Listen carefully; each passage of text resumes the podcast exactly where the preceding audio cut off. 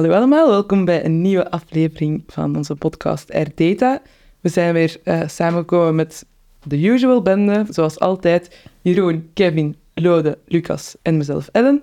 Um, het is een andere setting vandaag. Het is een beetje later op de... We nemen later op de dag op.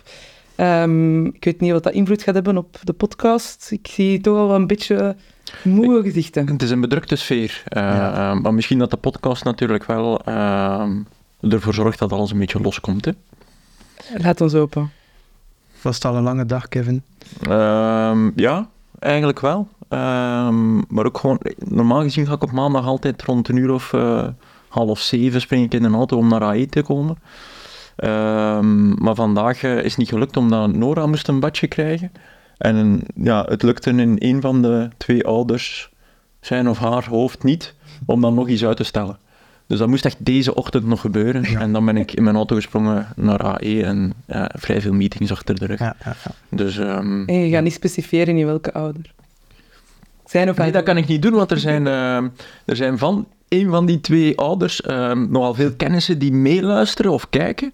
En um, af en toe komt er via dat kanaal wel al eens feedback in de richting van de andere um, ouder. Dus, en ik denk dat ik het nu verklapt heb, maar ja. als de mensen nu de puzzel... Als ze nu terugspoelen en heel goed luisteren naar ze tweeën. Ja.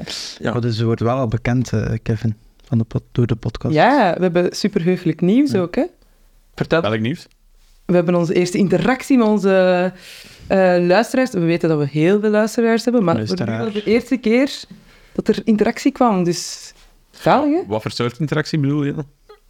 Een, een comment? Ja, want we krijgen wel al heel veel likes natuurlijk. Ja, ja, ja, ja, ja inderdaad. Mensen spreken ons ook wel aan. Op ja, ah, wel, ja ik, ik, weet dat er heel veel duizenden mensen zitten te luisteren natuurlijk, maar um, ja, ik was wel blij werd er oprecht blij van. Ja, ik denk ook dat het de eerste keer is wel dat het niet iemand is die al, ik in mijn geval, al kent op een of andere manier. Dus ik denk dat het wel echt iemand is die, die niemand van ons persoonlijk ja, kent. En, en, dat maakt ons wel zo'n beetje in de zevende hemel. Ja. Uh, heel leuk nieuws om, om deze aflevering mee te starten. Ja. Maar moesten er nog mensen zijn die wij eigenlijk niet kennen... Uh, iedere aflevering uh, trouw aan het luisteren of kijken, ja, laat een keer eens iets horen. Dat is nogal cliché dat je dat zo zegt, maar, ja, maar het zou toch wel tof zijn. We staan open voor feedback, hè? En wie weet delen we wel een prijs uit. Oh. Ah. Oh, oh. Lucas, komt er niet even mee. Jij weet, jij weet dingen dat wij niet weten, ik. Ja, onze, onze mooie interieur hier, ja. Maar Lucas moest toch naar de winkel straks, hè, dus uh, hij heeft al gelijk een extra ja, item op zijn boodschappenlijstje. Ja. Oké, okay, voilà. Ik ben benieuwd wat je van gaat meepakken van de volgende keer. Volgende aflevering. kunnen we uh, geven dan, hè. Ja. Een giveaway. Wacht, wacht maar. Dus volgende aflevering ligt er hier iets op dat tafeltje mm -hmm. dat voor de eerstvolgende reactie op YouTube of Spotify, maar ik weet niet wat dat gaat. Nee, maar ik verwacht wel meer de leukste reactie die ja. er dan komt. Een giveaway is wat heel is kom maar, ja, ja, en meestal wat er aan een podcast gebeurt, is dan in de volgende aflevering kiest je dan ja. uit de lange lijst ja. van, okay. van okay. kandidaten. Maar tegen dan uh, hebben we misschien wel nog niet... Allee, staat misschien wel nog niet online, of... Ja. We zien wel. Dus we doen nu op YouTube ja. of op een ander kanaal. Zo snel mogelijk. En dan volgende aflevering kiezen we de winnaar die een mooie prijs krijgt. Ja. Oké. Okay. En, en, Lucas voorziet de prijs dus. Ja, ik voorzie de prijs. Vertrouwen we dat? Want ik weet niet wat dat ik met dat 100% vertrouwen. Wie? Ja, nee. Wil je er vertrouwen in mij? Ja, ik heb geen idee zelfs wat dat je gaat kopen. Nee, ik ook nog niet. Misschien een boek van de dame naast je? Ja. Ik heb nog geen boek geschreven, maar... Nee, dame naast En wie, wie is dat wel, uh, Jeroen? Ja, kent je ze niet? Nee. Ook in volgende aflevering. Ah. Die vrouw heeft uh, jarenlang naast de kringloopwinkel uh, in Leuven. Ah, oké, okay. het is een bekende, ah. bekende Leuvenaar. Ja, ja. ja. ja. Oké, okay, maar als jij dus om acht uur nog wilt halen, ja. of de winkel al sinds nog wilt halen, denk ik dat we uh, van start moeten gaan.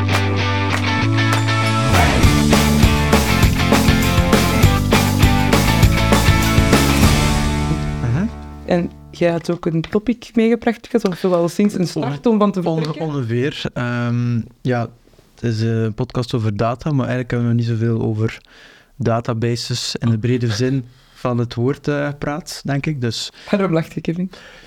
Eh, zijn zin leek heel verdacht op. ehm, het is een podcast over data, maar eigenlijk hebben we nog niet zo heel veel over data.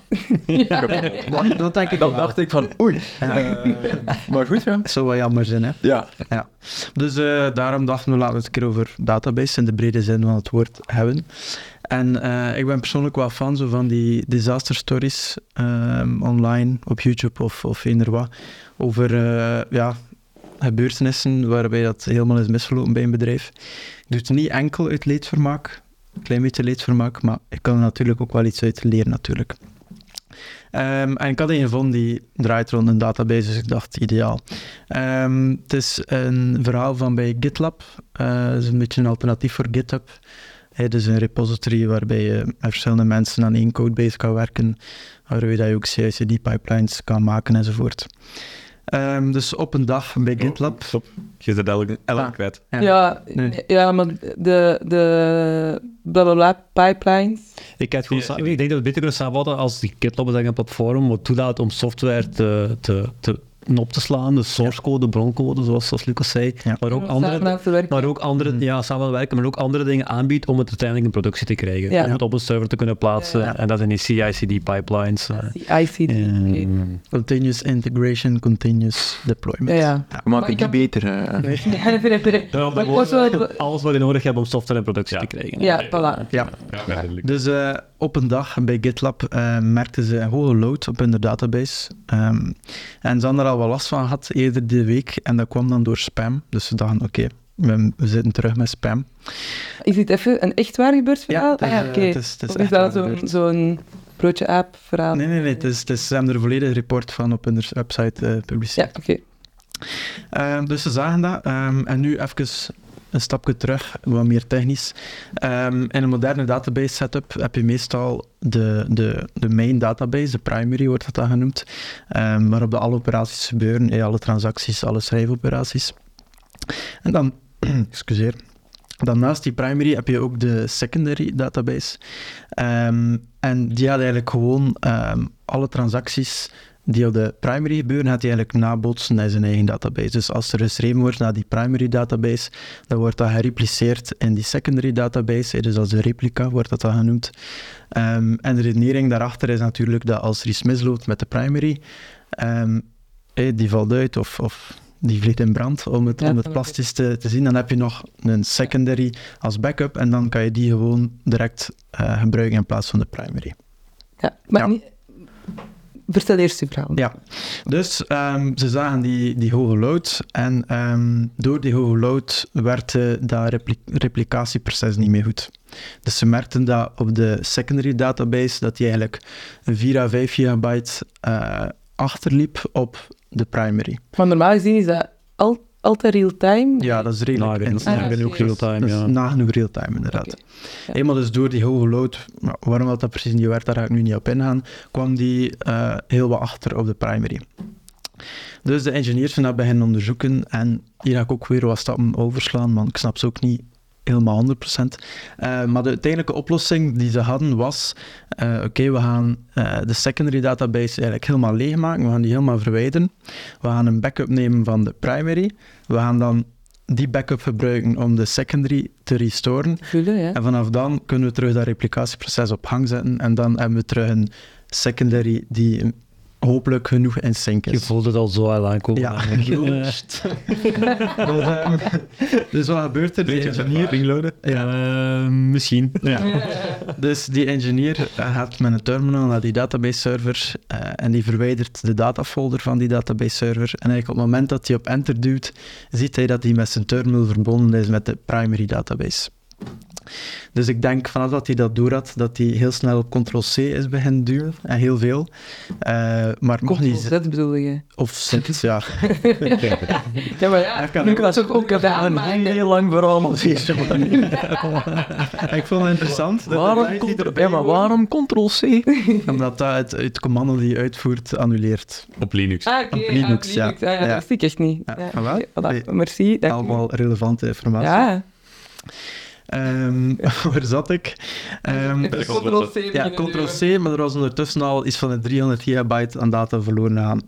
Dus ja, wat doe je normaal in zo'n geval? Eh, dan nemen een backup, want er is meestal wel een proces die, die dat regelt, eh, om eh, die database te gaan restoren. Maar ze merkten dat er ja, een aantal technische issues en ook een aantal procesmatige issues waren in heel hun backup plan, eh, waardoor dat ze eigenlijk een backup gevonden eh, van zes uur terug.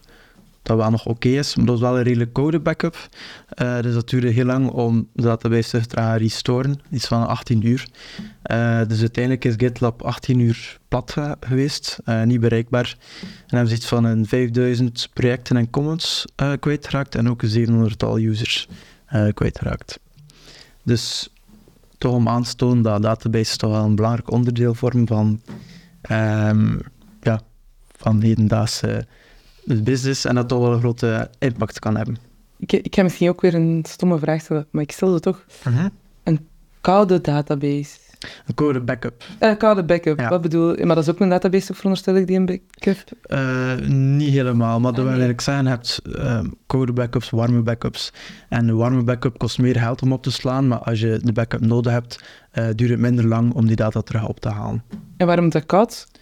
Ehm, ja. Om, eigenlijk, als je zo bijvoorbeeld, ik denk dat je bij Amazon Glacier dingen Ja. kunt doen, dan wordt het effectief op een tape opgeslagen. Ja. Ja, ja. En een tape is zo echt zo'n ouderwets ding, gelijk Ja. van een radiocassetje wat zo draait. En het is daar terug van afhalen betekent letterlijk de tape terug afspelen. Dus Ja. het duurt heel lang, dat gaat traag. Ja. En daarom wordt dat koud genoemd, omdat het, dat het Maar dat echt wel... Nu is dat toch niet meer zo? Jo, jawel, je kunt, jawel, jawel, je kunt echt ook kiezen om backups op te slaan en om tape eigenlijk. Ja. is, ja, een hot, hot standby, die staat klaar om Ja, ja, direct... oké. eh, Maar dat is goedkoper. Dat is goedkoop. Ja. Typisch goedkoper. Dus het is altijd een beetje een afweging van hoeveel willen we betalen. En in het geval van disaster hebben we dan snel of minder snel onze backup terug. En nu zeg jij ook dat een backup... Ik zeg, is dat dan een data... Dat is toch ook een database? En jij doet zo van, nee, niet. Waarom niet dan? Dat is eigenlijk gewoon een, een dump van alle data die op die database eh, op dat moment zit.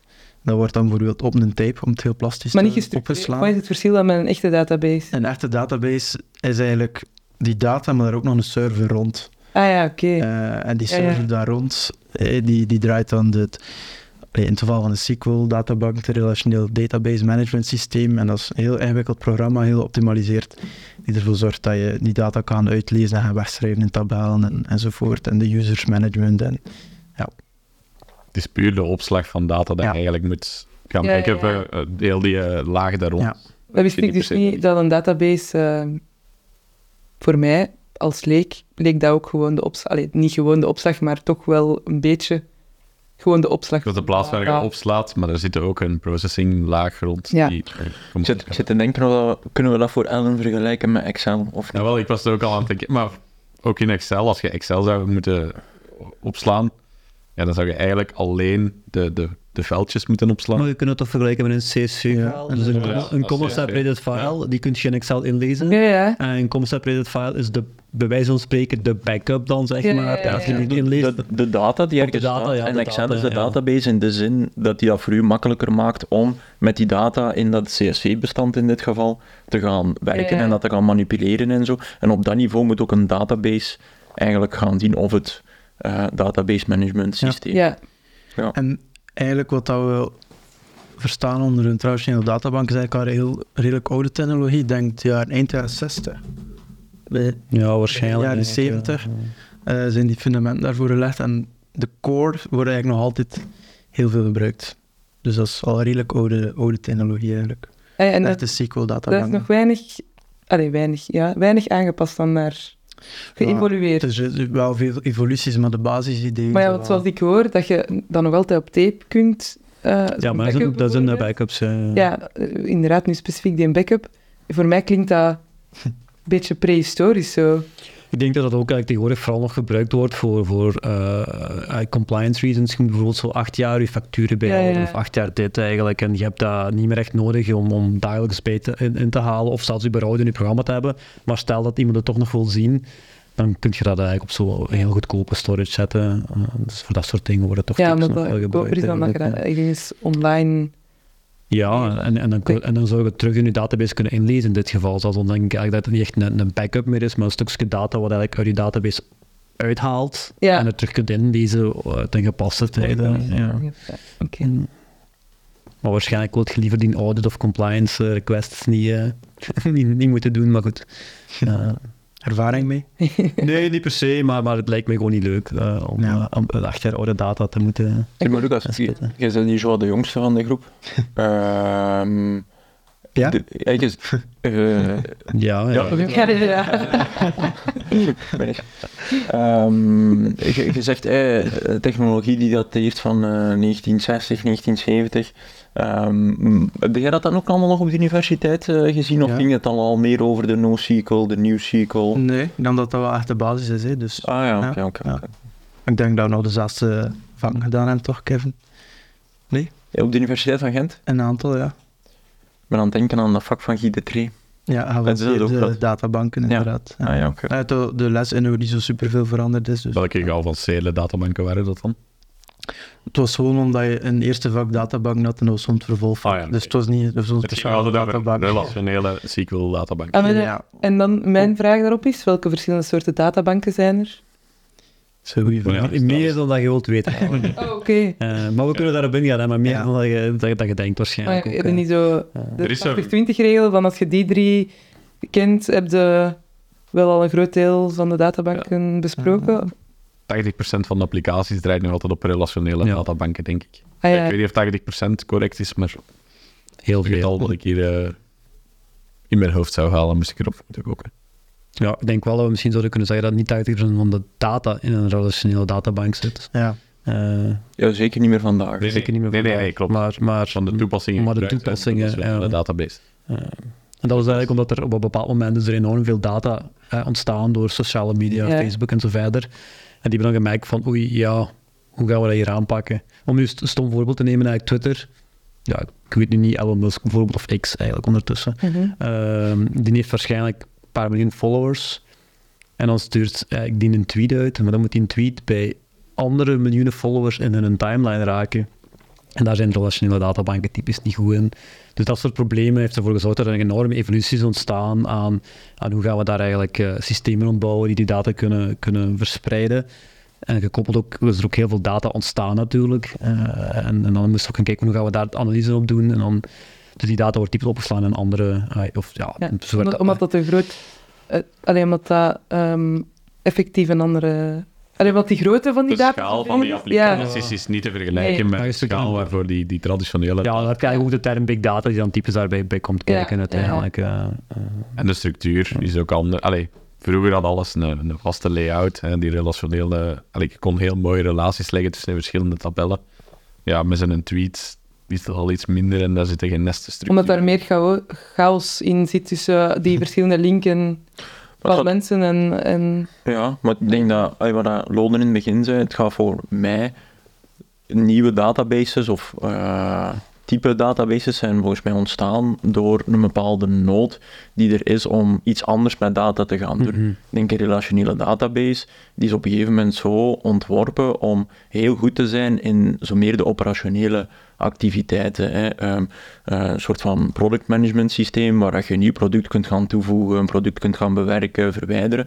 Dat soort crud operaties eigenlijk op je data gaan toepassen. Dat, Kevin, daar Kruts, wat is dat? create, read, ja. eh, Update. eh, Update. En delete. Misschien heel snel nog, een relationele databank, dan moet je gewoon eigenlijk denken, je data is opslaan in tabel. En de tabellen Ja. zijn al elkaar En tabellen Ja. Ja, ja. Oké. Maar wat wou je nog zeggen, Kevin? Ja, maar Ja, we hebben onderbroken, onderbroken natuurlijk. Maar Sorry. dus voor dat soort processen, hè, omdat eigenlijk vaak dan in een relationele database ga je de data normaliseren. En waarschijnlijk is dat weer gevaarlijk om dat te zeggen, maar ehm, je hebt normaliseren en denormaliseren. Ja, klopt. Ja. Dat uitleggen, ja. Ja, ik denk, we kunnen het misschien proberen. Normaliseren betekent dat je de data probeert maar één keer op te slaan. Met andere woorden, als je bijvoorbeeld mijn adressen opslaan, slaat je dat maar één keer op. Heeft mijn andere tabel het adres nodig, gaat je eigenlijk die andere tabel niet het adres opnieuw opslaan, maar wel het nummerke van waar staat dat adres Ja, opgeslaan. gewoon oproepen. hè. Ja, inderdaad. Maar dat heeft ook allerlei andere nadelen. Want als je dan eigenlijk toch mijn adres wilt hebben vanuit een, op een andere plaats, moet je iedere keer op, andere pla- ah, ja, op die ene centrale plaats dat adres gaan ophalen. Ja. En wat dat doen, moet je dan eigenlijk tabellen bij elkaar gaan voegen. Maar stel je voor dat eigenlijk al mijn data verspreid zit over 10, 15, 16 tabellen, moeten die in één keer allemaal samenkomen en noemen ze dan joinen.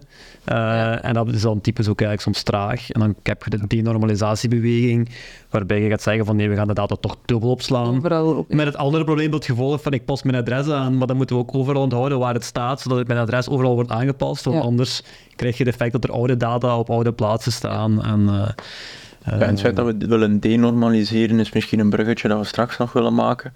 Omdat dan meer naar, als je inzichten uit je data wilt gaan halen, dan wil je eigenlijk, eh, dat is misschien een logische stap om nu te maken in mijn verhaal. hè, Dus je hebt die CRUD-operaties, of meer het operationele, waar dat je je data genormaliseerd wilt gaan bewaren, zodanig dat je die activiteiten of operaties snel kunt gaan doen. Bijvoorbeeld een adreswijziging, dat dat dan gelijk op verschillende plaatsen eigenlijk ook mee wordt eh, gewijzigd voor lodes en broers en zussen eh, die op hetzelfde adres wonen. Ehm, niet meer, Kevin, maar woonden. Ehm, maar dus een, een andere manier die ook al lang bestaat om met data aan de slag te gaan, is inzichten uit data eh, gaan halen. hè. Meer wat de reportingwereld. Waarbij dat je eigenlijk ehm, heel veel data wilt gaan queryen en dat je eigenlijk veel meer je data aan het opvragen bent dan dat je die eigenlijk echt aan het bewerken eh bent. En dan, en Loden heeft dat natuurlijk al een beetje aangegeven, als je dan een genormaliseerd adres, eh, model hebt, dan moet je eigenlijk heel veel verschillende tabellen bij elkaar gaan voegen om een volledig overzicht te krijgen van ah ja, hoe ziet het er hier nu eh, uit. En dat is eigenlijk waarom dat je gaat denormaliseren en naar zo weinig mogelijk verbindingen tussen tabellen wilt gaan kijken, omdat je dan, ja, vanaf dat je twee tabellen met elkaar moet verenigen in een query, wordt de query duurder of zwaarder. Eh, Ja. De compute dat je daarvoor nodig hebt, Ja, wordt hoger. Ehm, maar als je dan op een gegeven moment 10 tabellen aan elkaar wilt linken of 20, dan wordt het wel heel gek en dan is vaak waarom dat je queries minder performant zijn. En door je data goed te denormaliseren, op de juiste manier te gaan modelleren, kan je er eigenlijk voor zorgen dat die queries wel heel performant eh, blijven. Ja. En dan zit je wat meer in het data warehouse-achtig systeem. Ah ja, en als dan ehm, daar toch een wijziging zou gebeuren, ergens, of dan, dat is echt wel op dingen dat je nooit wijzigt. Wel, wel om, ja, ik heb het al een beetje aangehaald met een data warehouse natuurlijk, hè, maar dat is omdat je dan je operationeel systeem, Ja. ehm, het product, eh, de productapplicatie waar ik het daarnet over had, die gaat altijd diezelfde relationele database gaan gebruiken. Gewoon puur voor zijn activiteiten uit te voeren, het bewerken van die productdata. Ja, Als je inzichten wil gaan halen ehm, uit diezelfde data, ging je typisch die data naar een ander eh, systeem gaan brengen. Een an- eh, dat kan eenzelfde soort database zijn, maar waar je data anders gaat modelleren. Je wilt die data eigenlijk op een andere manier gaan representeren, zodanig dat voor die andere use case, het rapporteren, het efficiënter wordt om op die data te dus gaan. dan heb je twee systemen eigenlijk. Je hebt dan je relationele database en je andere eh, warehouse eerder. Als je beide activiteiten wilt doen in... Allee, Ik denk dat je dan eerder moet zeggen dat je, eh, eh, je kunt voor beide een relationele database eh, hebben, Ja. maar bij het ene ga je je data normaliseren en bij het andere ga je Ah ja, oké, dus dat kan ook, ja, ja, ja. ja. Daar zitten natuurlijk ook wel nog heel veel ehm, evoluties ehm, op. Maar ik denk dat dat ook eigenlijk voor mij, als ik terugdenk over de laatste 10, 15, 20 jaar, daar, dat, de evoluties zijn ook ontstaan, niet per se vanuit... Ja, uiteraard zijn technologische evoluties en die zijn ontstaan door, door technologie, maar ook de manier waarop we de data willen gebruiken en wat we met de data willen doen. Dat is eigenlijk echt wat, het, wat, Ja. wat heeft ervoor gezorgd dat eigenlijk da- er nieuwe databases of concepten Ja. zijn uitgevonden.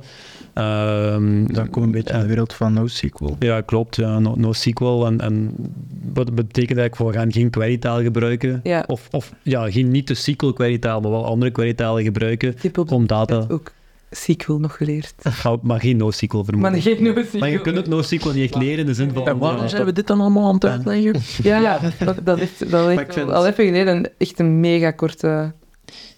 Ik vind een goed voorbeeld van wat je zegt, dat eh, de data, allee, het is technologie, technologische verandering, maar ook andere dingen. Bijvoorbeeld, op komst van sociale eh, netwerken, ehm, als hij een persoon als een entiteit voorstelt en die is bevriend met die en die is bevriend met die, dan ben je een graaf aan het opbouwen. En als je dan bijvoorbeeld een query wil gaan doen van geef me nu een keer al de vrienden die in verbinding staan met een of andere voorwaarde, dan met zo'n klassieke relationele databankstructuur is dat niet gemakkelijk. Dus dan is bijvoorbeeld graph databases ja, uitgevonden of zoiets. Ja, Ehm, daar nooit aan die dan heel specifiek voor die use case Ja. de data veel beter kan gaan modelleren en alles veel efficiënter wordt. Maar en, kan het dat je dan als bedrijf twee database, echt twee verschillende soorten databases hebt, omdat je twee verschillende noden hebt? Als je inderdaad twee verschillende toepassingen wilt doen en eh, de ene toepassing heeft een graph database nodig en de andere toepassing eh, gewoon een relationele, dan is het een eh, Ja. logische keuze van de alle ja, oké, twee. voilà, dat is niet raar. Natuurlijk, Nee. eh, je moet natuurlijk ook kijken naar het kostenplaatje en oké, wat kost het van hier een andere database te zetten, maar als je echt een heel specifieke toepassing hebt, dan eh, ja, is het heel logisch van een tweede data, soort database te Ja, want is het nog hip om... om er is een periode geweest dat je zo, iedereen koos voor polyglot persistence. Ja. Dat betekent eigenlijk van, van letterlijk gelijk, ik spreek meerdere talen, ik gebruik meerdere databases. Ik weet eigenlijk niet of dat nog zo hip is, anno 2023 eigenlijk. Nee, ik denk dat we terug moeten naar waar we daarnet Ja. aan het zeggen was. Hè. Gewoon, dat is ook toch heel de service-georiënteerde software engineering eh, wereld, waarbij dat je meer ja, applicaties per domein gaat krijgen. Mhm. En ik denk dat je daar op basis van wat doet die applicatie, het juiste, of de juiste database of data storage component wilt gaan kiezen. En niet zozeer om, ah, ik moet hier een keer een tweede type database introduceren, maar meer omdat het, zoals Lucas een beetje aangeeft, dat er een bepaalde nood is om je data op een andere manier te gaan modelleren, mogelijk in een ander database systeem. Ik denk dat dat vandaag is hoe dat het een beetje in elkaar zit. Ja, al zijn er natuurlijk databases die omgekeerd redeneren, hè. de oracles van deze wereld. Ah ja, wij zitten al bij zoveel klanten binnen met een relationele databank. Laat ons ook graph features ondersteunen, zodanig dat we onze klanten kunnen blijven bedienen. Ja, dat vroeg ik me ook af. Is, is dat echt onmogelijk om in... Maar ja, ik kan een database... Mocht je dan systeem noemen? Tuurlijk, Ja. ja. Ja. Om in, in, dat, in dat eenzelfde systeem dan niet en een relationele database te hebben en een Ja, graph database. eh, al is dat moeilijk, Ik omdat heb niet zo kijken. onderliggend, onderliggend zijn die natuurlijk vanuit een bestaande technologie gemaakt en die zijn niet altijd geoptimaliseerd om die beide scenario's te ondersteunen. Ja. Ehm, in, in sommige databases kun je JSON-files laden, maar die zijn er helemaal niet voor gemaakt. Ja. En dan krijg je zo een tussenvariant waar dat, dat wel ondersteund wordt, maar waar dat dan niet, niet goed werkt. Maar ja, en als je een server hebt en je deployt daar twee verschillende databases op, dan... dan Ja, maar ik denk dat wel Alan op zoek is naar een scenario waarbij eigenlijk je één, één, met één manier met een Ja. database praat. En dat Ja, is, dat dat is genoeg ja. om dat op te slaan in meerdere formaten. Of dat je dat kunt zorgen dat je eigenlijk naar meerdere formaten opslaat, zodat eigenlijk afhankelijk van je toegangspatroon tot de Ja. data... eh, En dat je echt vanuit je nood, maakt niet uit wat dat is, dat je gewoon via één systeem daar naartoe kunt en Ja, ik denk eigenlijk terug aan... keuze maakt voor u, zo gezegd. Hè? Ah, twee jaar geleden is, is, is, of is dat, ik denk dat twee jaar geleden is, is Cosmos DB, denk ik, van, van Microsoft een klein beetje aangekondigd als van de database waar je gewoon alle soorten opslag in kan steken, niet? En dan gebruik je gewoon wat je nodig hebt en wat je wilt? Of heb ik dat niet verkeerd? Ik weet niet of dat je ze met elkaar kunt mengen. Er zijn wel anderen Ah, zo, die dat doen, Ik heb maar het nooit weet, zelf gebruikt, Ik weet hè. niet of dat... Ja, ik heb de document DB-versie, dus dan meer de, de MongoDB-achtige variant van Cosmos wel gebruikt in het verleden. En als ik zo wat de documentatie aan het doorzoeken was, dan krijg je ook vaak de SQL-variant. Maar als ik het me goed kan herinneren, kan je die twee wel niet door elkaar gebruiken. Maar er zijn wel vendoren van database-systemen die daar vandaag inderdaad op inspelen. SingleStore is zo een die Ja. wij dan eh, wat kennen vanuit eh, gemeenschappelijke klantenactiviteiten. Ehm, en SingleStore zegt van kijk, je steekt de data één keer in onze database en wij zullen dat inderdaad een keer bewaren om daar heel snel operaties, CRUD-operaties op uit te voeren. Maar tegelijkertijd gaan we dat ook op zo'n manier gaan bewaren. Ehm, denk, en daar hebben we het dan nog niet over gehad, hè, maar ehm, een relationele database is row-based. Eh, je kan je data ook column-based gaan bewaren, waar dat typisch ook al net iets performanter is als je grote hoeveelheden data wil gaan ophalen. Maar wat zij eigenlijk doen bij SingleStore is die data ook meteen column-based te gaan eh, bijhouden. En dan afhankelijk van de queries dat je doet, gaat hij eigenlijk gaan nadenken van oké, moet ik hier gaan naar het formaat waarbij dat het row-based is, of naar het formaat waar dat het column-based Dat is. is toch de... Allee, in mijn hoofd is dat de toekomst, toch? Of is dat super duur en onmogelijk en of... of allee, dit Het is kan niet mogelijk, hè, want, MemSQL of SingleStore doet het eigenlijk. En dan heb je ook nog zo'n VoltDB, Ja. meestal nu staat al, volgens mij al 14 jaar, denk ik niet. Eh, dat, sommige van die dingen staan echt al Of heel dat te lang. kort door de bocht om te denken dat dat... te- allee, ik weet niet. Ja, het voor is mij natuurlijk onmogelijk dat om de toekomst te voorspellen, maar eh, ja, dat lijkt inderdaad een logisch verhaal, hè, dat je die, die, die, die twee patronen gaat ondersteunen. Maar of dat het technisch zo gemakkelijk is om dat te doen, Ja, ja, als het zo simpel was, dan hadden er wel eh, al meer dat geïmplementeerd. Ja, het is wel zo dat, dat Microsoft SQL Server volgens mij nu toelaat om een andere manier om iets gelijkaardigs te doen. Dus die slaat de data nog altijd op in rijen. Maar soms, om, soms moet je dan eigenlijk op een bepaalde kolom, omdat je weet dat je vaak op die kolom gebruikt om te filteren, zet je daar een index op.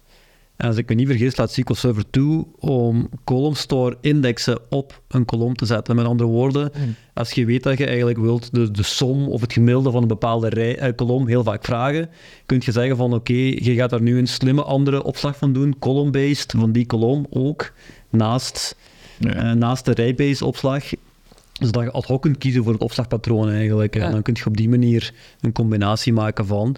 Maar ik weet wel dat dat... ai, het probleem is, ik ken het licentiemodel niet meer zo goed, maar vroeger was dat de duurste versie van Microsoft SQL. Server die dat enkel kon. En dan moet je ook rekening houden dat bij elke aanpassing die je doet, nu dat is voor single store of andere databases doen ook, elke aanpassing die moet natuurlijk dubbel gebeuren in de zin van tray-based En column. en column-based eigenlijk. En dat is vaak naar performantie toe niet goed. En ik weet niet of we daarin willen duiken, maar het CAP theorem, asset transactions, uh, nog allemaal andere busdingen. Uh, maar, maar er zijn allerlei technologische constraints die erbij komen kijken rond, Ja. rond consistentie, availability, eh, om terug te linken Ja, naar dus- het dat verhaal. Ik leid eruit af dat Ah. dat op dit moment nog niet ideaal is en daarom ook nog niet van de grond, volledig van de grond geraakt. Omdat het nog op Ja, bepaalde... we hebben nog niet zoveel toepassingen gezien bij Ja, klanten. Eh, voilà. Single Store hebben we nu wel in actie gezien, maar ik denk over het algemeen dat we het nog niet zoveel eh, Nee. gezien hebben. Ik ken ook niet echt een alternatief voor single store die hetzelfde doet. Ja, ik, ik weet NuoDB en VoltDB, ehm, maar ik heb die ook zelf nooit gebruikt eigenlijk. Nee. eh, en en eh, ik weet dat die in dezelfde vaarwaters, maar die noemen zich dan ook NewSQL, hè. Ja. Ehm, uiteindelijk. Ja, inderdaad. Ook interessant, want we zijn daar even daar juist op ingegaan, maar niet heel lang. Dus SQL, ik heb dat dus ooit geleerd, eh, heel beperkt in mijn opleiding. En dan ging dat inderdaad over meer CRUD-operaties, hè. eh, heel basic. Maar daar, dan spraken jullie van NoSQL Mhm. en nu spreken jullie van News. dus wat is het verschil? En, Ik ken enkel SQL, dus... ehm, No, oei, ben jij geen believer of wat? Van, dat is iets anders. ah. Ja, NoSQL staat voor Not Only SQL. Eh, en dus daarmee wordt bedoeld dat er niet alleen de klassieke SQL-relaties eh, in kunnen zitten, maar dat er ook andere eh, types in kunnen zitten, zoals ja, document stores, GraphDB's, key values. Die stores. value stores, ja. Dus met SQL kunnen geen ehm craft...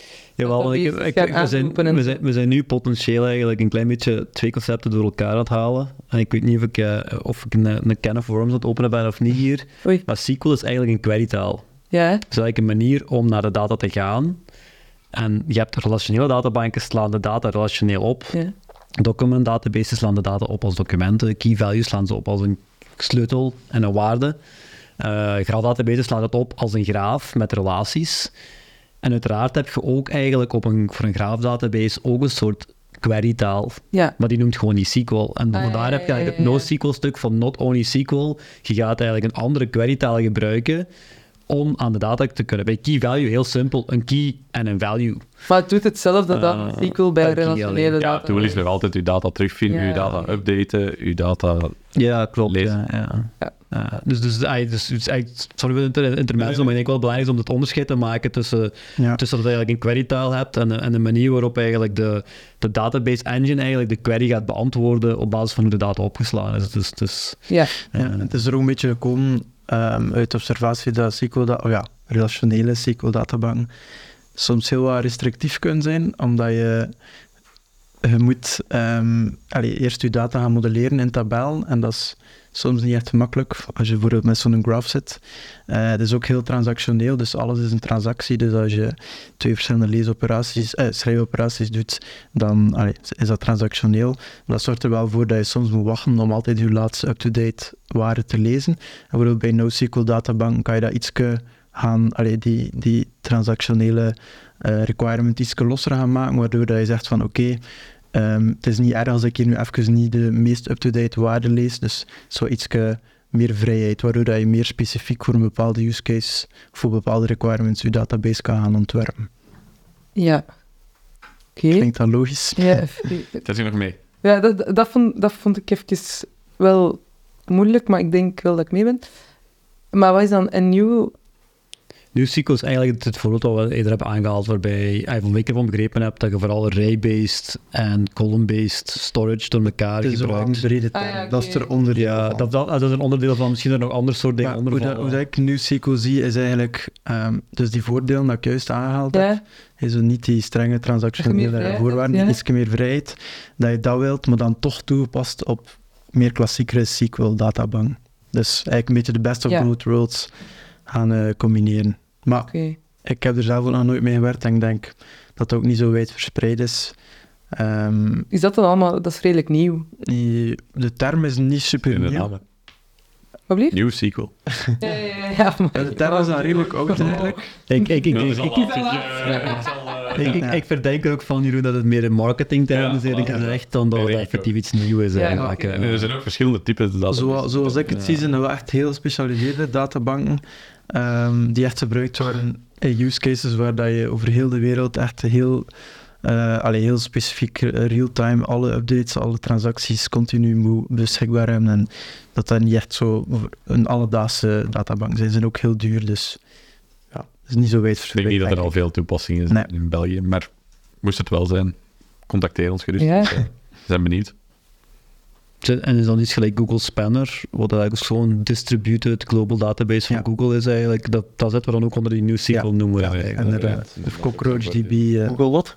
Google Spanner. Nog nooit van gehoord. ja, ik kende het ook. Dat is like twee, drie jaar oud denk ik, of zo toch al ondertussen. Dat is ook heel Eh, duur blijkbaar. Maar, maar, maar, maar, maar ja, dat is relatief nieuw, maar, eh, maar ook, ik denk inderdaad, super duur. Ja. En dan vaak ook niet, niet meer relevant of interessant, omdat het gewoon voor de 1 tweede van de prijs, ik heb geen idee eigenlijk, ik weet de prijs niet exact, maar de helft van de prijs kun je een gewone relationele database krijgen die voor uw use case perfect zijn ding doet. ja. Hm. De Eh, return on investment is voorlopig...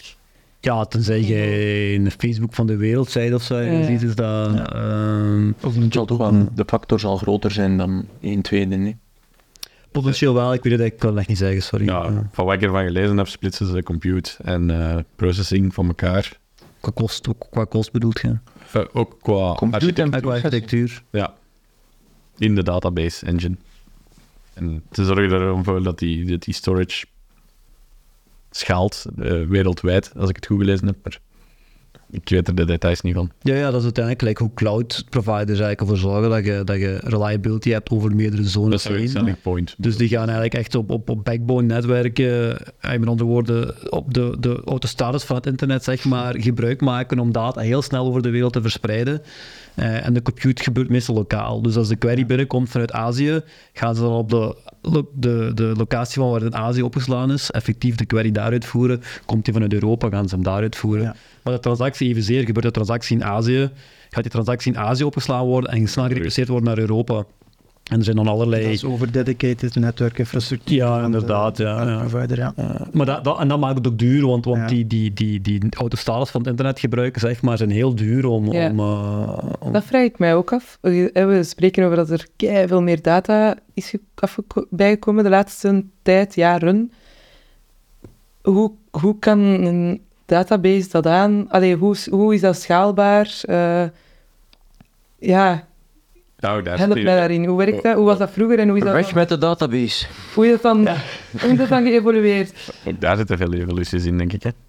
Daar zit enorm veel evoluties in. Vroeger, als je, hè. als je meer data had, moest je gewoon een grotere machine kopen. Ja, maar nu... Eh, en je kunt dat natuurlijk wel een tijdje doen, maar na verloop van tijd zit je aan de beste machine die er is. En nou, kost je dan verschrikkelijk veel geld om nog iets duurder te laten fabriceren. Ehm, terwijl de, de NewSQL, eh, de NoSQL databases zijn typisch bestaan die uit verschillende machines die met elkaar interageren. En als je meer opslag nodig hebt, ja, dan kun je gewoon een machine bijzetten in het netwerk. Ja, Ehm, en die communiceren dan met elkaar, eh, waardoor je wel wat netwerkverkeer hebt tussen die verschillende nodes. ja. Ja, en ook wel wat complexiteit natuurlijk. Eigenlijk, eh. En is dat echt de nieuwste? Allee, is dat echt... eh, hoe, hoe, ja, En nu tegenwoordig denk ik dat ze allemaal op hoe die dat nu manier gaat? Ja, schalen. Qua schaalbaarheid. ja oké. Tenzij de- Ja. Maar moet al uw data nog in een database, ja? Nee. Nee, nee, dat is... Ja, dat, en dat, is, dat, is, dat is ook een zeer recente trend, denk ik. Hè, dat eigenlijk al data niet meer per se in een database gestoken wordt. We waren dan Eh, gewoon niet... Afdrukken? afdrukken. Ja, maar, ah, nee, Op een tape. maar je zit ermee te lachen, maar... Help. Nee, nee, ja, ik weet niet. Ik, ik, ik, eh, laat- Kevin het woord doen. Ik heb de dat jij eerst daartoe wil. ehm, of niet? Eh, omdat dat wel later was, zat ik met een ander raar antwoord in mijn hoofd, maar... ehm, naar huis. Ehm, Dat ja, is plezant ging. ik wou met mijn opmerking ehm, weg met de database eh, hinten naar eh, de data lake. Ja, want Ja. ook dat, een term die ik vaak hoor. Geen idee wat het verschil is, hè. Dus... Ja, ja dat is een data lake. Ja, Kevin. Ehm, ik denk dat een data lake, eh, een database ga je data gestructureerd ehm, gaan eh, bewaren in een eh data lake, hoeft dat niet. Ehm, dus wat ze eigenlijk typisch zeggen als je zegt data lake, dan ga je data verzamelen. In welk formaat, maakt niet uit. De data lake kan dat allemaal aan. Ehm, en die zal dat ondersteunen. Dus lees niet in een tabel bedoel je dan bijvoorbeeld. Het- we spreken niet meer over tabellen, we spreken over documenten, over eigenlijk gewoon Eh, over files, bestanden. Ik vind het helpt als je gewoon denkt als object storage. Je kan gewoon objecten opslaan. Is dat objecten in JSON? Ja, wat noemde een Een object? CSV? Ja. Is dat Ah ja, een dus- tekstfile? Is dat gewoon binaire Ja, data? dus toch bestanden. Ja. Ja, dat ook bestanden, ja. Ja, alles wat er in je van een computer op kunt staan, kun je Ja. daar gewoon in zetten in Voor theorie. business Ja. noemt dat bestanden. Ja, oké. Dus inderdaad, je kunt daar letterlijk in een Excel eh, Ja. naar CSV... Nee, Excels niet, hè. nee, de, maar de, daar de is- makers, de makers hebben gezegd, Excels doen we niet in een data lake. Ja, Jammer. Ja, om je gerust te stellen. Ja. Het kan. Dus, eh, Nee, alle die- mogelijke documenten. Ja, ja, maar zelfs inderdaad we met een tekstfile kan daarin. Ja, Ja.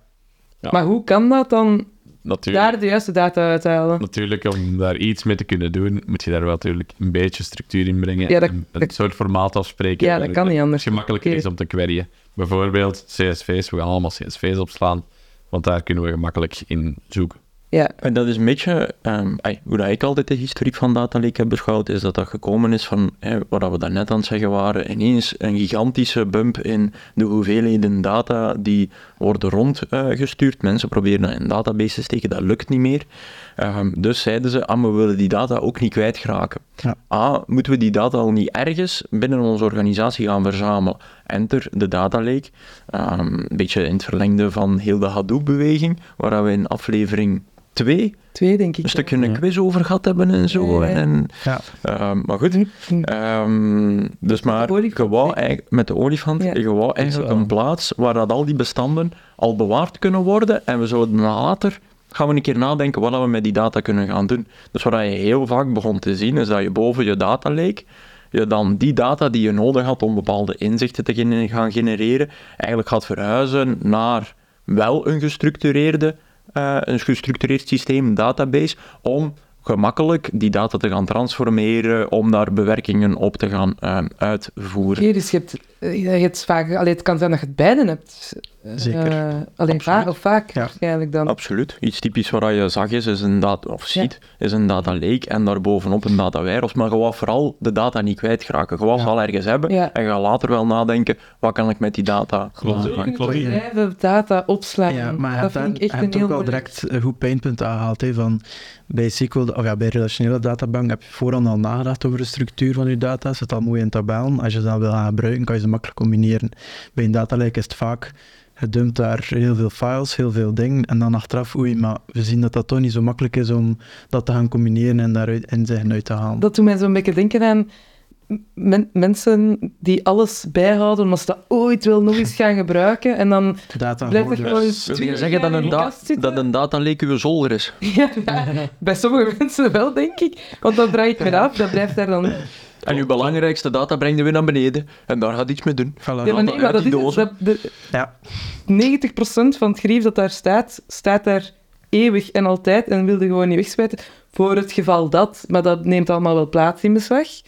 En ja, op mijn zolder maakt dat nu niet veel uit, want die zolder is er. Maar oh, in een datalake kost dat toch geld? hè? Ja, maar daar misschien wel meegeven dat Ja. die, die, heel die beweging gepaard is gegaan met eh, het idee dat storage goedkoop is. Dus het bewaren van data op een data lake, omdat het gaat over wat dan Lucas noemt object storage of het puur bewaren van bestanden. Dat is ook voor de cloud providers en zo veel goedkoper dan wanneer dat daar een database bovenop zit. Want dan heb je weer veel andere componenten nodig om Ja. net met die data gestructureerd aan de slag te gaan. Maar- Dus die beweging kwam, object storage, goedkope opslagplaats. Ah, waarom zouden we dan niet al onze data beginnen bewaren? Volgend probleem. Ja. Ik kom op mijn zolder, er staat er vol grief, maar, Maar- vol. Hoe vind ik dan nog het grief dat ik dan toch nog nodig heb? Structuur, Structuur, ja. Labeling. Ja, labels. foldertjes, Ja, dus- dozen. Dus, Uw doos en met uw labelingmachine, Ja. een stickertje. Oud skigrief. ja, en hoeveel mensen doen dat? Allee, maar dus dat is toch Als je dat dan is dat essentieel. Ja, Ja, je moet er wel een beetje over nadenken, hoe ga ik dat hier ja, ontwerpen? ja oké. Ja. Ja. Maar jij wou daarnet nog iets zeggen. Ja, ik wou vragen, wat was er het eerst? Was er eerst het data lake en dan de processingzaken zoals MapReduce? Of was het omgekeerd? Hadden ze eerst MapReduce uitgevonden en zijn ze dan naar een... Terugspoelen, MapReduce. Ja, dus ze hebben een man... Ik drink nog eens van mijn niet-alcoholisch pintje. Ja, wel, wat je School. bent, ja, eigenlijk. Eh, ze hadden een algoritme gemaakt om op grote hoeveelheden data efficiënt processing te gaan doen. Dus hoe gaan we dat verwerken? Ehm, en dat noemde MapReduce, omdat daar typisch twee stappen in zaten. Eerst was er een map-stap en dan was Ja. er een reduce-stap. Dus ging je eerst een aantal dingen berekenen en dan gingen ze het antwoord van al die kleine berekeningen samennemen en tot één resultaat eh, Ja. maken. Ehm, Zullen Dus- we zullen we ook een concreet voorbeeld geven misschien? Dat is misschien gemakkelijker. Ja. Stel dat je eigenlijk wilt het aantal, hoe vaak een woord voorkomt, tellen in al die bestanden. Want Ja. Die bestanden zijn verdeeld over heel je zolder. Dus wat je gaat doen is eigenlijk, je, je vraagt al je vrienden of vriendinnen om op je zel- zolder die bestanden te komen lezen. En die moeten bijtellen, elke vriend of vriendin telt hoe vaak een woord voorkomt in een doos in een bestand. Ja. En dan daarna gaat je samen alle, al die vijf samenleggen en dan telt je eigenlijk voor elk woord de som op van Ja. hoe vaak het voorkomt van al die vrienden en vriendinnetjes. Dat is eigenlijk MapReduce eigenlijk uitgelegd, Ja. met de vrienden en vriendinnen die hun zolder Ja, maar ik, heb, eerst? Of wel dat uh, lake er eerst? Maar ik denk puur van het algoritmesperspectief, als we terugkijken aan Dijkstra en zo, die deed al algoritmes, gelijk gewoon de GPS werkt voordat de computers waren. Dus ik ga hier zeggen dat MapReduce er eerst was eigenlijk. Maar eh. wat was er dan voor de data data lake? Ik snap dat, dat snap ik. Nee, nee, nee, nee, het was gewoon... eh, Ik ben er ook niet Was Maar er waar, eerst- waar kun je uw MapReduce dan op toepassen als ah, ja, data dus lake? daarna hè? hadden ze gezien van, oké, goed, eh, als we onze storage ook zo organiseren, kunnen we daar de algoritmen op toepassen. Maar waarvoor wordt dat algoritme dan daarvoor gebruikt? Om woorden te tellen. Geen idee. Ehm, Nee, Is het moeilijk? Sorry, ik ben even... Ja. eh, even een Afgeweken. sidetrack. ik, heb, ik heb ook geen idee waar... waar eh, ik denk dat... Ja, Ik denk, als we de cirkel misschien rond willen maken, ja, we willen El nog wat meer eh, verwarren.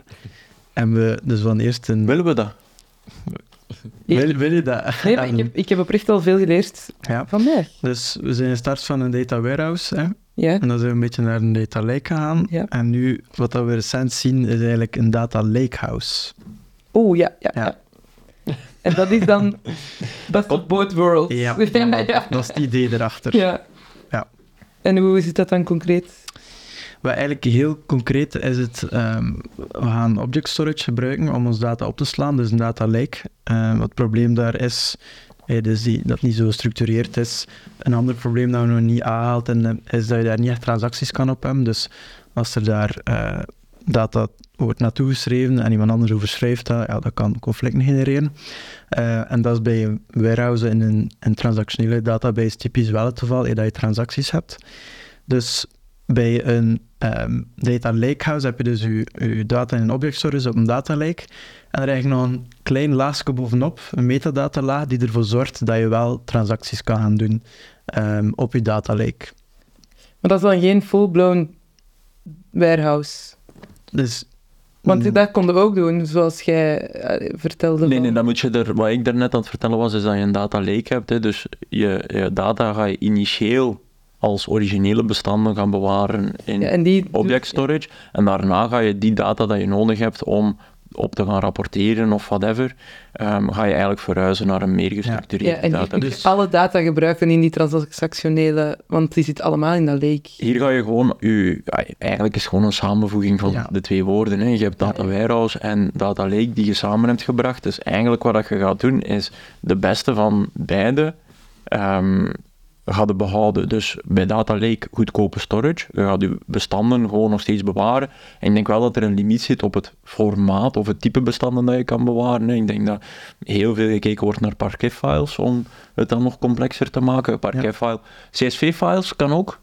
Dat ken je wel, Dat CSV? ik. Ja, maar parquetfiles zijn En ons een uit te leggen. Parkeer dat toen ik file die mijn op, broer. een file die opstaat in een kolom. Hè. Dus Voilà, dat wil ik zeggen. dat- Dan ja. ga je eigenlijk column-based ga je data, je CSV-bestand gaan bijhouden Ja. in plaats van dat CSV weer row-based is. Ehm. Ja. Dus je hebt een aantal bestandstypen die je kunt gaan gebruiken. En het stukje van Warehouse dat we meepakken, is dat het eigenlijk heel gemakkelijk is om ehm, via SQL je data te gaan manipuleren en te gaan eh, bevragen. En dat brengt eigenlijk mee naar de data lake. Dus dat is Ja. die laag waar Lucas het over had. Je gaat er eigenlijk voor zorgen, ja, zonder die laag zijn dat bestanden waar dat je eigenlijk geen taal voor hebt om daar vlot mee te communiceren. Ja, ja. Ehm, en je gaat dat, eh, die data uit dat bestand moeten halen, in een systeem steken waar je wel SQL kan gebruiken. Hier ga je ervoor zorgen dat je die SQL rechtstreeks kan toepassen op die bestanden in je data lake, waardoor dat je geen nood niet meer hebt om je data nog een keer te verhuizen. Het kan gewoon allemaal blijven staan op de goedkope storage. En waarom zou dat dan... ehm, allee, soms heb je dan wel nog een full-blown data warehouse nodig, omdat je breder gaat dan enkel die... eh, allee, waarom zouden we dan uw situatie nog hebben als je dat Omdat je je die wel- van Lucas hebt? Omdat je wel de flexibiliteit van een data lake wil. Nee, ja, dat, dat, ah, nee, dat snap ik niet. Snap je- je mijn vraag? Nee, ik zie er heel Nee. veel... Dus Maar uw vraag is, waarom zou je ooit nog een data warehouse bij een nieuwe organisatie gaan bouwen? Met een data Eh, lake, Als je, als je als je data al iets lake- hebt als een data lake. Wel Ja. omdat een data lake, alles wat we een data lake house dan, hè, ja, Ehm, het is wel iets complexer. Ja. om, Oké. ehm, hè, die laag waarmee je er gaat babbelen en zo, dat is vandaag nog heel veel in Spark. ja, ja, ja. Ehm, ken ik. Oké. Echt? Eh, Ja? Dat is een kwalitaal, hè?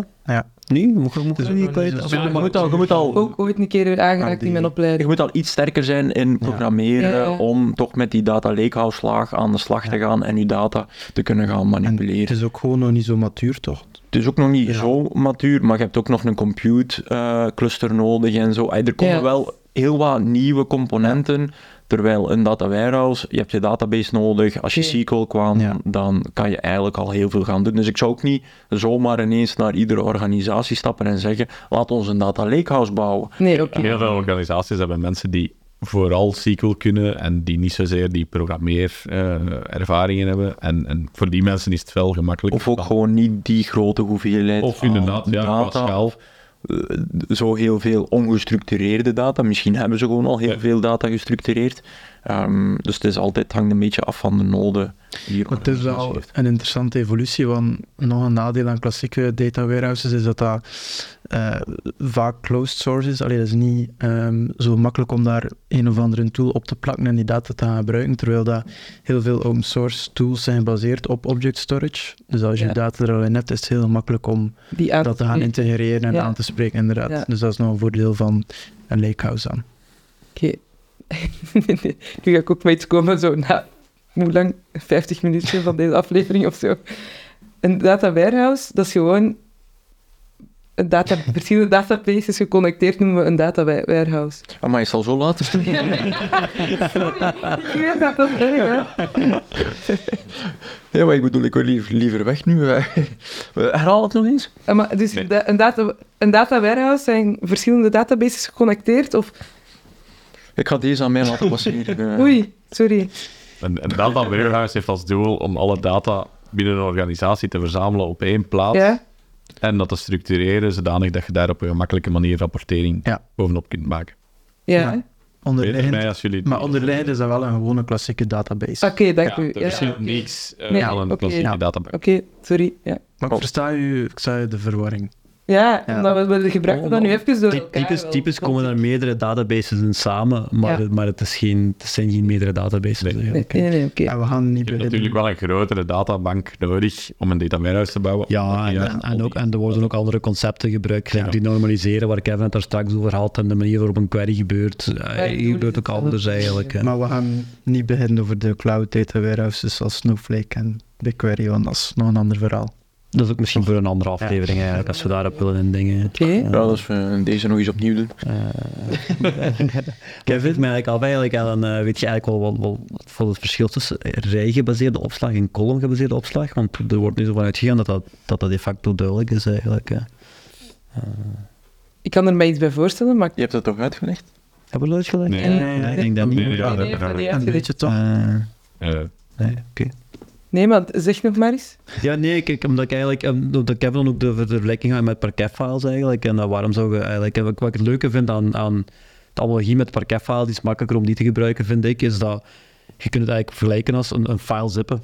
Ja. Uh, je zipt eigenlijk een kolom, dus eigenlijk een compressie om, om de kolom kleiner te maken, maar dat is gevolg dat het ook makkelijker is om die data terug op te lezen van harde schijf, in geheugen te steken en daar bewerkingen op te doen. Dus dat is eigenlijk uh, vaak ook een manier waarom het daarom in, in kolommen... Uh, dat kan niet rijden. Uh, ja, met, met, jawel, maar, maar bij, bij rijen moet je je voorstellen dat er eigenlijk heel veel data waar je een som bijvoorbeeld nemen of een gemiddelde en dan wordt eigenlijk in, in, in een kolom kun je hebben 0, 0, 0, 5, 5, 6, 6, 7, 7, 7 en wat dan gaat doen is eigenlijk zeggen van, ah, we hebben, één keer, we hebben vier keer 0, drie keer 5, ja, ja, ja, twee keer 7. En op die manier dat opslaan. Op zo'n uh, zo manier. En op die manier worden dat gecomprimeerd. Uh, dat, zijn slimmere algoritmes dan wat ik jullie zeiden bij En daar komt het op neer. Dat is wel. Uh, ja. en, en nog iets. ik vond het oh. goed uitgelegd. Maar Jeroen kan het nog beter. Ja, ja maar ja, je hebt het over comprimeren, maar de, gewoon row level tegenover column level. Ja, row level, waar is dat goed in? Je hebt adressen, ah, pas het adres nummer 25 aan. En dat zijn dan die kolommen die je moet aanpassen. En dan wordt dat zo weggeschreven. Waar is dat heel slecht in? Als je dan over al die uh, records die in je databank zitten, een som moet nemen. Zoals je typisch moet doen in BI. Ja, dan moet die alles lezen. En die zit daar dus heel slecht in. Ja. Um, bij kolomlevel, wat doe je? Je slaagt het op per kolom. En dus als je alle steden boveneen hebt, zet je heel snel of sneller in antwoorden zoals geef me een keer het aantal mensen die in Brussel wonen. Want ja. je moet alleen de kolom bekijken uh, met dat in de steden. En voilà. daarom slagen ze column-based op. In combinatie met... Uh, in combinatie, in combinatie, met, combinatie met, met compressie. Uh, ja. ja. Nog plaatsvindt. Oké, okay, maar dat was even een zijsprong. Ja. Dat was eigenlijk... Ja. ja. Oké. Okay. Veel bijgeleerd vandaag. Ja, veel bijgeleerd. Toch niet content dat ik het vroeger aan eigenlijk niet er al bijgeleerd was eigenlijk. Uh. Ik vind het de hele tijd een frons. Jullie vinden het hier niet meer plezant. Ja, maar ik vond de uitleg nu niet veel... Ja, mensen... Niet veel beter? Maar ja... Ja, jawel. Uh, geef je toevoeging dan, hè? Nee, ik heb geen toevoeging. Ah. Ik vond dat van Rode goed. Oké. Ja, ik vond die van Jeroen ook goed eigenlijk gezegd. Uh, dus ja. Ja. Maar anders. Oké. Okay. Anders. Goed. Nog iets, ja. over uh, evolutie van databases? Dat we over een nieuwe evolutie praten, denk ik. Ik heb, één, ik, ik heb één database quiz voorbereid. Sorry. Uh, misschien dat is dan niet voor misschien de volgende keer. Nee, het, het, het eerste ja, wat we nieuw voor gehad hebben, maar ik denk dat als de versie gezien we eigenlijk toch al vijf minuten bezig zijn, is eigenlijk hoe uh, je als, als ontwikkelaar eigenlijk uh, met databases kunt omgaan. En hoe de evolutie ontstaan is eigenlijk van hoe het makkelijker geworden is om met databases te ontwikkelen. Mm. Dus eigenlijk als je software aan het maken bent, ja. eigenlijk, uh, uh, dat het toch ondertussen met technologie, gelijk PanetScale en zo, uh, die zijn eigenlijk leuke dingen aan het doen. We gaan er niet op ingaan vandaag, stel ik voor, maar... Ah, ik heb direct al dingen. vragen in mijn hoofd, maar... Okay. Misschien iets voor een andere episode eigenlijk. Oké. Okay. Okay. Iemand van jullie nog toevoegen? Ik denk dat Kevin daar iets, aan uitleggen. Ja. Kevin heeft een hele dikke boek over ja. database systems naast hem, dus ja. misschien nog wat weetjes die hij wil dit. Wat ligt er op je lever, Kevin? Kom aan. Ik denk dat er ligt niks op mijn lever. Volgens mij te veel proteïne, kan dat? dat kan zijn. Uh... voor de mensen die niet, niet snappen wat de referentie is, Kevin gaat uitleggen hoe het komt dat hij potentieel te veel proteïne binnen heeft. Ja, nee, maar we hebben sinds kort uh, hier in, uh, hoe moet ik het noemen, de kantine op AI, um, hebben we Thrive in de ijskast. Um, dat is eigenlijk um, volgens mij vanuit de KU Leuven. Uh, Ik denk het wel, ja. ja. Een, een project dat gestart is geweest en is eigenlijk uh, op zoek gegaan naar uh, bier voor topsporters. Ik zit in die groep natuurlijk. ja, ja. dat vind ik ook echt zo sportgerelateerd taal. en ze wilden dus eigenlijk, hoe ik het begrepen heb, een marketingpraatje is zo, hey, je bent een keer een halve marathon gaan lopen. Um, en je komt terug en zo'n fris pintje in zo'n glazen flesje. Um, dat is eigenlijk een fantastisch gevoel. Maar ja, als topsporter doe je dat natuurlijk niet. Um, ik ken het gevoel ook niet. Maar ze hebben dus een bier op de markt gebracht, non-alcoholisch. Ik denk zelfs dat er echt, want vaak is het non-alcoholisch, ja, dan zit er toch nog een klein beetje in. Uh, maar volgens mij is dit echt volledig alcoholvrij. maar met 10 gram eiwit. En ik heb nogal slechte spieren. Dus ik heb heel veel eiwitten nodig om die uh, uh, te kunnen laten herstellen. En uh, ik had dat al thuis al een keer. Ik heb mij ooit laten wijsmaken dat dat echt gemaakt is voor de wielertoeristen. Dit? Ja, dat dat... Een want- orthodox pakt volgens mij een echt een. Ah, maar ja, maar dat is omdat die inderdaad... Maar dat is ongezond nadat ze een verre Ik denk niet dat een wielertourist daar echt... Dan moet dat toch alleen in mijn ambitie zijn. Die liggen er niet lekker van hoor. Ja, sommigen wel, hè. Sommigen zijn wel extreem. In, Ja. eh, Ja, in- maar gewoon voor de gezondheid van de ja, wat is mensen. dan- bedoel ik niet per se omdat hij ambitie heeft, gewoon omdat dat lekker kan smaken en u... Is het lekker? Ja, Ja. Ik ken weinig bier dat minder lekker is dan wel dan, dan dit. En dat is misschien niet negatief bedoeld, maar het is wel het beste non-alcoholisch bier dat ik al gedronken heb. Nou, Ah, ja, dat is een moeilijk antwoord, maar oké. Ja, dit is niet lekker. Ja. maar... Van de, binnen, binnen zijn... La binnen zijn genre... Binnen zijn genre. Ja. ja. Onder de proteïnerijke bieren. ja. Dat is mooi. We zijn helaas aan het afwijken. Ja, en ik denk ja. dat ook niemand nog aan het luisteren is. Ja. Maar ik had nog een belangrijke toevoeging. Ja. Dat lag er dus op uw lever, wat er nu gaat komen. Ik ben mijn ledig kwijt. Alleen, het ging over... Dit is aflevering 8. Zeven. Als je de trailer niet meetelt. Dit is aflevering 7. Ik wou zeggen, de tiende komt eraan, maar dan misschien toch nog niet volledig. Nee. Ja.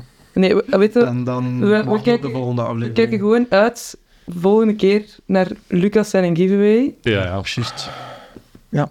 En dan komt dat allemaal goed. Ja. Dus En dan gaan we nu afronden. Ja, maar ja. wacht, nog één even. Moeten we nu al de opdracht geven voor de giveaway of gaan we morgen?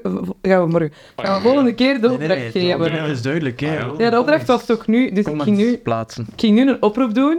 Iedereen reageer op onze eh, afleveringen. Je mag zelfs nog kiezen de welke, als je een beetje Ja. achter zit. Maar ja, dat kan niet, want... Het zou heel leuk zijn dat je dat wat verdeelt. Ja, op je favoriete aflevering. Ja. Of ja, ja voilà, goed idee. Reageer op je favoriete aflevering.